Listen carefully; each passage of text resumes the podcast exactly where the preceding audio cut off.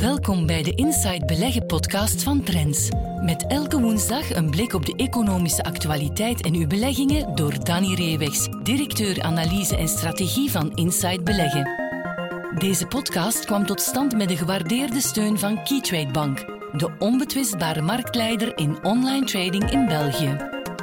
Welkom bij de podcast van Inside Beleggen. Aan het einde van de aflevering gaat Geert van Erk, hoofdeconoom van Keytrade Bank, nog wat dieper in op thematisch beleggen en hoe je als belegger de juiste thema's in portefeuille kunt nemen.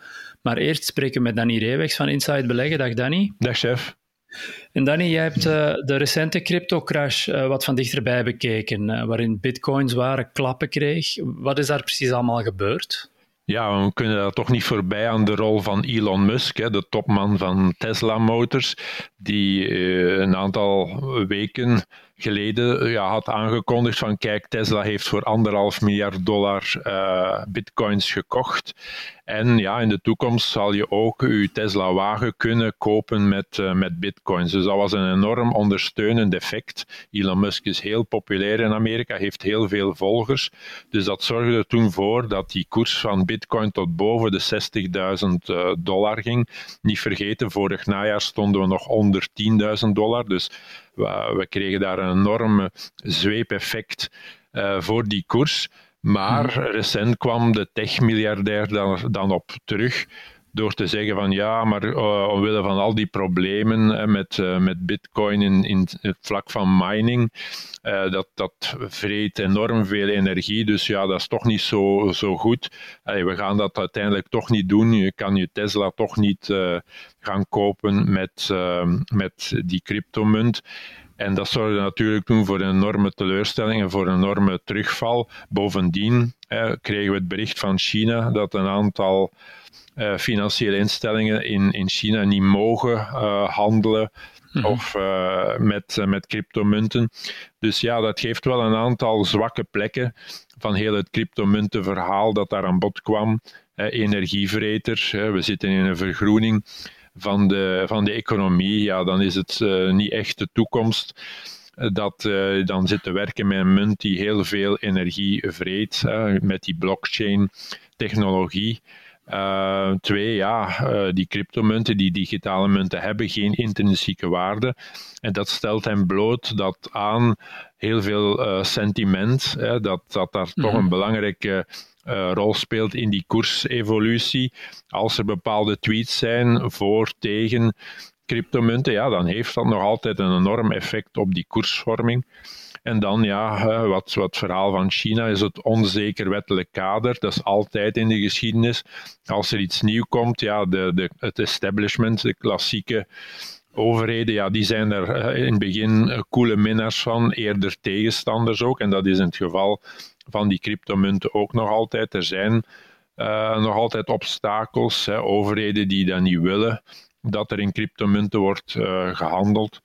Dus dat zorgt er allemaal voor ja, dat dat verhaal toch nog eerder wankel te noemen is.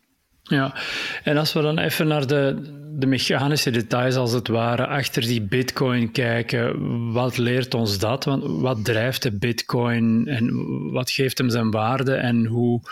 Je zit daar met die. Je moet gedelft worden en dergelijke. Wel, welke dynamiek heeft dat op die Bitcoin-markt?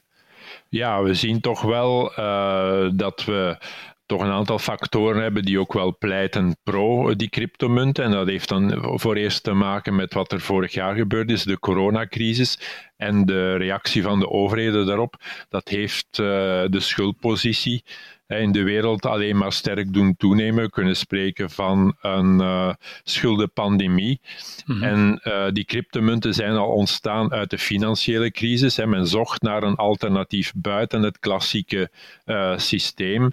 En vandaar dus de creatie van bitcoin en andere cryptomunten. Wel nu, uh, die schuldenpandemie, ja, dat sterkt een aantal investeerders toch nog in de gedachte van ja, ik moet toch ook, uh, om mij te beschermen uh, tegen toekomstig mogelijk onheil, moet ik toch nog zien dat ik ook een stuk van mijn beleggingen doe buiten het klassiek systeem. Wel nu, daar komen die cryptomunten dan toch wel voor, uh, voor in aanmerking, omdat je daar een aantal aspecten hebt die toch wel pleiten voor mhm. een, een, een, creëren van waarde. En dat is dan één, ja, de schaarste. Hè. Dat is al voorgeprogrammeerd dat er maar 21 miljoen bitcoins kunnen komen. En daarvan is al ongeveer 90% vandaag uh, gedolven. Mhm. Eh, er is ook een beperkte aangroei, hè, die halvings, die halveringen om de vier jaar, hè, dat, het, dat de rekenkracht die nodig is om die bitcoins te delven, ja, dat die uh, verdubbelt. Dus dat je maar steeds minder bitcoins kunt, kunt, kunt delven. Dus die uh, aangroei van het aanbod dat is onder controle en dat vertraagt dus telkens. En dat hebben we al in de geschiedenis, in de korte geschiedenis hè, van Bitcoin van een goede tien jaar al mhm. gezien. Ja, dat heeft wel duidelijk een, een gunstig effect op de prijs. En dan is er nog het effect van de beperkte marktomvang. Als uh, al die miljardairs en multimiljonairs een stuk van hun vermogen in een alternatief gaan steken, ja, dan heeft dat een enorm effect. Waarom?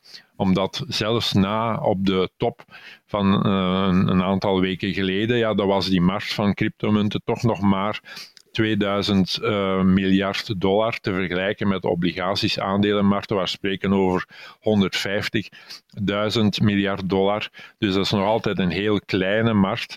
Mhm. En, en, dat, en dus als die mensen ja, een stuk van hun zakgeld bij wijze van spreken in, in cryptomunten steken, ja, dan heeft dat een, een gunstig effect. We zijn nu 600 miljard verloren in heel korte tijd. Dus dat heeft nog altijd een, een groot effect. Dus je ziet toch een aantal elementen die erop wijzen ja, dat uh, die verklaren waarom de cryptomunten de voorbije tijd zo goed hebben gedaan. Ja. ja, en een andere veelgehoorde stelling hierover is dat ze het soort nieuwe digitale goud zijn. Um, maar dat behoeft ook enige nuance, als ik goed begrepen heb. Zover kunnen we het misschien nog niet trekken. Nee, ik denk dat daar nog te, te, te vroeg is om dat te stellen, te voorbarigen. En de voorbije weken, denk ik, zijn daar toch wel een sterke illustratie van. In de zin, ja, de geschiedenis is te kort. Hè. Eh, de geschiedenis van mensen met goud is al, gaat al 6000 jaar terug. Met de geschiedenis met de cryptomunt is amper uh, eh, 10 jaar. We zien nu, hmm. ja, uh, een beleggingsvorm is toch meestal gebaat met een stabiel uh, koersevolutie. Hier zien we heel spectaculaire stijgingen en dalingen. 10% eh, op enkele uren is eerder de regel dan de uitzondering bij cryptomunten. Ja, en dat schrikt toch heel veel klassieke investeerders af. Die willen veel meer stabiliteit in hun portefeuille. Als ze zegt, ja, binnen twee dagen kan dat 20% minder waard zijn, ja, dan is de goesting om daarin te investeren meestal toch wel weg. En we hebben ook al aangegeven dat onzeker wettelijk kader, dat is er toch nog. Uh, binnen tien jaar kan het ook zijn dat we van die cryptomunten nog weinig gaan horen. Of net dat ze het spectaculair goed hebben gedaan. Het kan alle richtingen uit. Uh, de overheden kijken daarnaar, uh, willen met eigen initiatieven komen eigen uh, cryptomunten eventueel. Wat gaat daar het effect van zijn? Maar ook even goed. Hè, vandaag is Bitcoin veruit de populairste cryptomunt. Maar Ethereum komt nu op. Uh, dus kan zijn dat Bitcoin van de troon wordt gestoten binnen, binnen enkele jaren. Uh, dus dat kan allemaal nog gebeuren. Dus er zijn nog heel veel onzekerheden. Vandaar dat je dan niet nog uh, kan zeggen vandaag, ja, dat is het digitale goud. Want goud, daar koppel je dan toch eerder een defensief beleggingsaspect aan. En dat kan je bij die cryptomunten nog absoluut niet, niet zeggen vandaag. Nee, ja, veel te voorbarig dus. Ja, en als aandeel van de week heb jij uh, de GIMF erbij genomen, de Antwerpse holding, die, die vooral in private equity investeert, een portefeuillemaatschappij. En dat heeft net zijn boekjaar afgesloten. Ze zitten met een gebroken boekjaar. Uh, wat vertelden de resultaten van vorig jaar ons over GIMF? Ja, ze hebben een uh, fantastisch boekjaar 2020, 2021 achter de rug met een winst per aandeel van 7,9 euro en een rendement van 27% op de portefeuille, ver boven de doelstelling uh, van 15%. Dus dat is een Grand Cru-jaar uh, geweest. Maar dan moeten we wel nuanceren. Hè. Ze hebben een gebroken boekjaar, lopen dus niet samen met het kalenderjaar. Ze sluiten af op 31 maart. En dat is nu wel cruciaal in die zin dat het vorig boekjaar, hè, 31 maart 2020, afsloot. Net op het moment dat de beurzen enorm onder druk stonden door hè, de COVID-19-pandemie. Toen hebben ze enorme waardeverminderingen moeten boeken op hun, uh, op hun posities en hebben toen een verlies geleden van bijna 6 euro per aandeel. En dit boekjaar, door het herstel op de aandelenmarkten, hebben ze natuurlijk heel wat van die minwaarde kunnen terugboeken, eh, kunnen herwaarderen. Vandaar dat ze een uitzonderlijk hoge winst hebben kunnen boeken. We moeten dat dus wel een stukje nuanceren, maar we zien toch wel dat de meeste uh, participaties 80% het beter heeft gedaan dan de economie. We zien wel over het voorbije boekjaar dat gemiddeld de omzet met 2% is toegenomen en de mhm. winst zelfs met 4%, terwijl de economie toch met 6% is gekrompen het afgelopen jaar. Ja. ja, als je dan gaat kijken naar die portefeuille van de GIMF, eh, wat er allemaal in zit en, en wat ze eventueel nog van droog kruid eh, over hebben, wat vertelt die ons over de, de toekomst van GIMF? Ja, dat die er toch uh, vrij allez, rooskleurig uitziet. In die zin, hè, ze hebben ook na uitgifte van een duurzame obligatie, hebben ze nu 400 miljoen euro in kas. En, en de CEO, Koen de Jonker, heeft ook gezegd, ja, het is een goed moment, en nu de economie herleeft, om te gaan investeren. We hebben uh, heel wat middelen. We zien ook dat de portefeuille uh, nog zeer jong is. Hè. Dat is een periode van oogsten geweest. Hè. Er zijn heel wat mm. meerwaarde gerealiseerd geweest de afgelopen jaar, waardoor de gemiddelde participatie nog maar uh, vier jaar in de portefeuille zit. Dus de gemiddelde leeftijd ligt bijzonder laag, wat dus ruimte geeft voor, voor groei uh, de komende jaren. Bovenop die, uh, dat potentieel om bijkomend te investeren. En als we kijken uh, naar recente verkopen, dan zien we dat gemiddeld toch drie keer verkocht worden aan de aanschafwaarde. Dus dat toch een mooi track record is um, voor GIMF. En dan zien we dat we daar toch uh, nog altijd met een, een redelijke waardering zitten. In die zin dat we minder dan acht keer de bedrijfskaststroom betalen. Um, en dat de boekwaarde is opgelopen tot 49 euro per aandeel. De beurskoers staat daar amper 9% boven. Gezien het, het jeugdig karakter, zal ik maar zeggen, van de portefeuille, het potentieel om bij te komen en dus om meerwaarde te realiseren, is dat zeker een, een zeer redelijke waardering. En dat heeft GIMF altijd gedaan. Soms wordt dat verweten. Uh, dat ze te veel uitkeren. Hè. Ze, ze, ze, keren ongeveer 5% van hun eigen, eigen vermogen uit. Uh, en dat is in dit geval dus 2,5 euro per aandeel. Maar dat betekent nog altijd ook, zelfs als de koers niet stijgt, dat je nog altijd bijna 5% dividendrendement hebt. Ja. ja, en tot slot, ze zeggen vaak um, voor beginnende beleggers, of eigenlijk voor alle beleggers, maar zijn, zijn holdings, portefeuillemaatschappijen, een, een zeer goede basis voor jouw portefeuille. Is GIMF zo'n typisch voorbeeld van, van een, een superstabiele basis waarop je je portefeuille kunt uitbouwen? Ja, ik denk het wel. Hè. Dat, dat aspect uh, dividend bijvoorbeeld is daar heel belangrijk in. Dat zie je klassiek bij uh, portefeuillemaatschappijen, dat die dividend uitkeren en meestal dat jaarlijks verhogen. Dat is dan niet typisch voor GIMF. Zij kiezen ervoor om een stabiel hoog dividend uit te keren, maar dat je daar zeker van bent. Hè, want zelfs na het heel moeilijk boekjaar 2019-2020, afgesloten in maart 2020, op een echt crisismoment, dan hebben ze nog altijd beslist om dat hoog dividend uit te keren. Dus liever bij hen dan een stabiel hoog dividend uit te keren, maar dat heb je dan toch als basis, als investeerder. En belangrijk ook, hè, dat hebben we zeker de voorbije jaren gezien, dat die private equity markt, dus niet beursgenoteerde belangen, ja, dat die normaal gezien afgesloten is voor een particuliere mhm. investeerder. En dankzij bijvoorbeeld een bredere Sofinium, maar zeker ook via GIMF, kan je daar toch in beleggen als particuliere investeerder, als goede huisvader belegger. En dat is toch denk ik een enorme meerwaarde voor uw, uh, voor uw portefeuille. Dus GIMF past wel in het profiel van een goede huisvader belegger om daarin geïnvesteerd te zijn. Ja, een naam om zeker in de gaten te houden. Dus jij bent uh, heel hard bedankt voor jouw tijd en inzichten deze week en graag tot volgende week. Tot volgende week. Dag. We luisteren nu naar Geert van Herk. Chief Economist van Keytrade Bank, met zijn analyse op een aspect van de economische actualiteit. Hallo iedereen en welkom bij onze wekelijkse update. Vandaag gaan we even dieper in op het thema van thematisch beleggen. Thematisch beleggen heeft de afgelopen jaren een steile groei gekend. Zowel onder de vorm van ja, actief beheerde fondsen die op bepaalde thema's willen inspelen, als trekkers uh, die op bepaalde thema's van uh, groei willen inspelen. Nu, misschien eerst even kort toelichten wat verstaan we eigenlijk onder thematisch beleggen. Het gaat vaak, vaak, vaak over thema's ja, waarvan we in de komende jaren toch een sterke groei verwacht.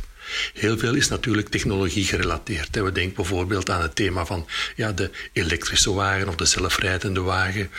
We denken ook aan andere technologiethema's zoals ja, artificiële intelligentie, robotica en dergelijke meer.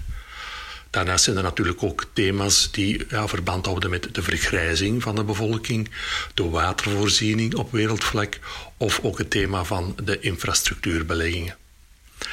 Nu, Zoals reeds bij de inleiding gezegd, er is een enorme groei geweest. Dus er zijn veel actief beheerde fondsen die thematisch gaan beleggen. En er zijn natuurlijk ook trekkers die op bepaalde deelmarkten van dat thematisch beleggen gaan inspelen.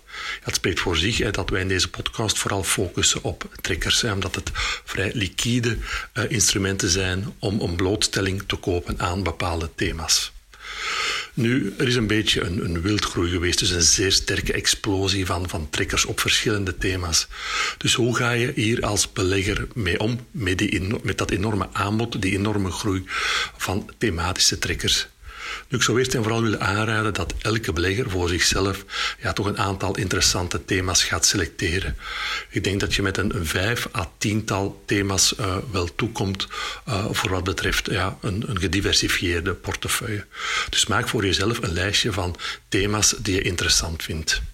En Beperk u niet enkel tot bijvoorbeeld technologie-gerelateerde thema's. Probeer ook een zekere diversificatie uh, aan te brengen, zodat je eigenlijk niet in één bepaalde sector zit die bijvoorbeeld ook technologie gedomineerd wordt. Kies bijvoorbeeld ook ja, wat uh, richting bijvoorbeeld ook thema's die met grondstoffen uh, verbonden zijn, zoals bijvoorbeeld het landbouwverhaal of andere thema's. Maar zorg voor in ieder geval voor een, een goede spreiding, een goede diversificatie. Goed, een tweede stap uh, die we dan zouden aanraden is ja, uit die vijf tot tien uh, thema's en trekkers uh, die je zou geselecteerd hebben, selecteer uit je selectie ja, de best presterende trekkers. Hoe kan je dat doen? Wel, we vonden een studie die eigenlijk uitwees hè, dat ja, als je elk kwartaal hm, je selectie eens gaat doorlichten en je eigenlijk je concentreert op de best presterende uh, thema's, dat je dan op lange termijn een mooi resultaat haalt. En hoe doe je dan eigenlijk die selectie? Wel, elk kwartaal ga je kijken van je vijf tot tien geselecteerde thema's. Ja, welke het best gepresteerd hebben over de afgelopen twaalf maanden. Je kan op de website van Morningstar bijvoorbeeld van elke trekker wel de prestatie van de afgelopen twaalf maanden vinden. Dus voor je selectie die je gemaakt hebt, kijk voor al die trekkers ja, een keer van wat was de prestatie over de afgelopen twaalf maanden? Maak een rangschikking, maak een klassement en op basis van de returns over de 12 maanden, afgelopen 12 maanden, en beleg dan elk kwartaal in bijvoorbeeld de drie best presterende thema's. En dat moet je toch in, in, in staat stellen om op lange termijn ja, de juiste keuzes te maken en het beste rendement te halen. En zo combineren we eigenlijk ja, twee van onze favoriete ja, uitgangspunten bij, bij het vormen, bij het samenstellen van een, van een portefeuille. Dat is enerzijds ja, de keuze toch voor trekkers en anderzijds de keuze voor momentum. En momentum is vergelijken en vooral beleggen in de best presterende sectoren of thema's. Dus ja, ik herhaal nog eens kort onze werkwijze. Dus als belegger kies je eigen thema's. Stel een portefeuille samen van vijf tot tien uh, interessante thema's voor jezelf. Kies uh, de daaraan verbonden instrumenten. Ja, dat mogen ook actief beheerde fondsen zijn, dat kunnen ook trekkers zijn. En dan elk kwartaal ga je een keer kijken van, kijk, van, de, van, de, van mijn selectie, van mijn keuze, welke markten presteren het beste over de afgelopen twaalf maanden. En beleg dan in de drie best presterende uh, triggers of fondsen die je, in je, die je geselecteerd had en herhaal dit uh, kwartaal na kwartaal en realiseer zodoende een mooi rendement op lange termijn. Alvast bedankt voor uw aandacht en we horen elkaar volgende week opnieuw. Tot zover deze aflevering van de Inside Beleggen podcast. Meer tips, advies en analyses voor uw beleggingen leest u morgen in Trends. Volgende week zijn we er opnieuw. Deze podcast kwam tot stand met de gewaardeerde steun van Keytrade Bank, de onbetwistbare marktleider in online trading in België.